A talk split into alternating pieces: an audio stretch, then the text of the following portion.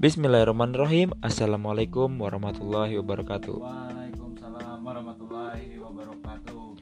Perkenalkan, nama saya Tubagus Tiga Lamanda dengan NIM 1909080 dari PKN 2019A. Pada kesempatan kali ini, saya akan menjelaskan tentang pengaruh kemajuan IPTEK terhadap negara kesatuan Republik Indonesia. Yang di mana pada bab ini mengandung dua sebab lainnya. Yang pertama, pengaruh positif kemajuan iptek bagi kehidupan bermasyarakat, berbangsa, dan bernegara. Pengaruh negatif iptek bagi kehidupan bermasyarakat, dan yang kedua, membangun sikap selektif dalam menghadapi berbagai pengaruh kemajuan iptek. Pada kesempatan kali ini juga terdapat empat kompetensi dasar. Yang pertama, 3.1 yaitu menyikapi pengaruh kemajuan iptek dengan tetap memegang nilai-nilai ketuhanan yang Maha Esa. Yang kedua, 2.2 bertanggung jawab dalam menyikapi pengaruh kemajuan ITEK dalam bingkai Bhinneka Tunggal Ika. Dan ketiga, 1.3 mengidentifikasi pengaruh kemajuan IPTEK terhadap negara dalam bingkai Bhinneka Tunggal Ika dan yang terakhir 1.4 mempresentasikan hasil identifikasi pengaruh kemajuan IPTEK terhadap negara dalam bingkai Bhinneka Tunggal Ika. Tujuan pembelajaran ini adalah melalui pendekatan saintifik dengan menggunakan model pembelajaran problem solving atau penyelesaian masalah, peserta didik mampu berpikir secara kritis, kreatif dalam menganalisis dan menyajikan pengaruh kemajuan IPTEK terhadap NKRI serta bersikap selektif dalam menghadapi berbagai pengaruh kemajuan IPTEK, menunjukkan sikap positif dan bertanggung jawab terhadap pengaruh kemajuan IPTEK dan dengan tetap memegang nilai-nilai ketuhanan yang Maha Esa dalam bingkai Bhinneka Tunggal Ika. Langsung saja kita ke materinya. Iptek adalah sumber informasi yang dapat meningkatkan pengetahuan ataupun wawasan seseorang di dalam bidang teknologi dan informatika. Di dalam Undang-Undang Dasar Pasal 42 ayat 5, pemerintah mem pemerintah memajukan ilmu pengetahuan dan teknologi dengan menjunjung tinggi nilai-nilai agama dan persatuan bangsa untuk kemajuan peradaban serta kesejahteraan umat manusia. Kemudian kita akan membahas tentang pengaruh dampak negatif dan dampak positif dari perkembangan iptek itu sendiri. Yang pertama, kita akan membahas dampak positif dari berbagai aspek. Yaitu aspek yang pertama ya ialah aspek politik.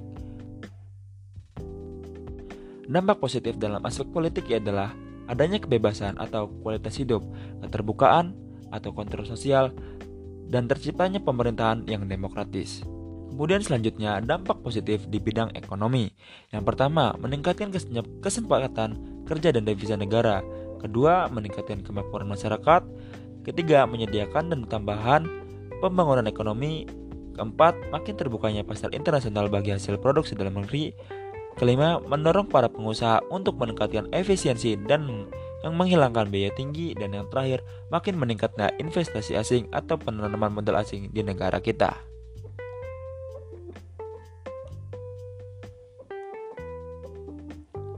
Kemudian, dampak positif di bidang budaya. Yang pertama, kemudahan akses informasi. Yang kedua, kemudahan akses nilai-nilai. Dan yang terakhir, kemudahan kebiasaan etos. Kemudian selanjutnya, dampak positif di bidang hukum dan HAM. Yang pertama, makin menguatnya supremasi hukum dan demokratisasi dan pemenuhan HAM. Yang kedua, menguatnya regulasi hukum dan pembuatan peraturan perundang-undangan. Yang ketiga, makin menguatnya tuntutan tugas penegakan hukum. Yang terakhir, menguatnya supremasi sipil dengan mendudukan tentara dan polisi. Kemudian selanjutnya kita akan membahas tentang dampak negatif di dalam berbagai aspek. Yang pertama, dampak negatif dalam aspek politik akan terjadinya terorisme, radikalisme, dan terjadinya hoax. Kemudian dampak negatif di bidang ekonomi. Yang pertama, pemerintah hanya regulator. Berlaku untuk mekanisme pasar. Yang kedua, timbul kesenjangan sosial akibat persaingan bebas. Yang ketiga, membanjirnya investasi asing yang menguasai sektor vital. Kemudian rendahnya penyerapan tenaga kerja di sektor-sektor padat karya dan yang terakhir Indonesia akan dibanjiri produk asing akibat perdagangan bebas yang tidak mengan adanya batas-batas negara. Selanjutnya, dampak negatif di bidang sosial budaya. Yang pertama, timbulnya sifat konsumtif. Yang kedua, kultur shock. Yang ketiga, memudahnya, memudarnya solidaritas, terjadinya westernisasi, terjadinya hedonisme, terjadinya individualisme, dan yang terakhir akan terjadinya kesenjangan sosial. Selanjutnya ialah dampak negatif di bidang hukum dan HAM. Akan terjadinya anarkisme hacker. Yang kedua adalah hacker atau kejahatan dunia maya. Yang terakhir adalah pelanggaran batas wilayah. Mungkin cukup sekian yang bisa saya sampaikan. Kurang lebihnya mohon maaf. Wabillahi taufiq walhidayah. Wassalamualaikum warahmatullahi wabarakatuh.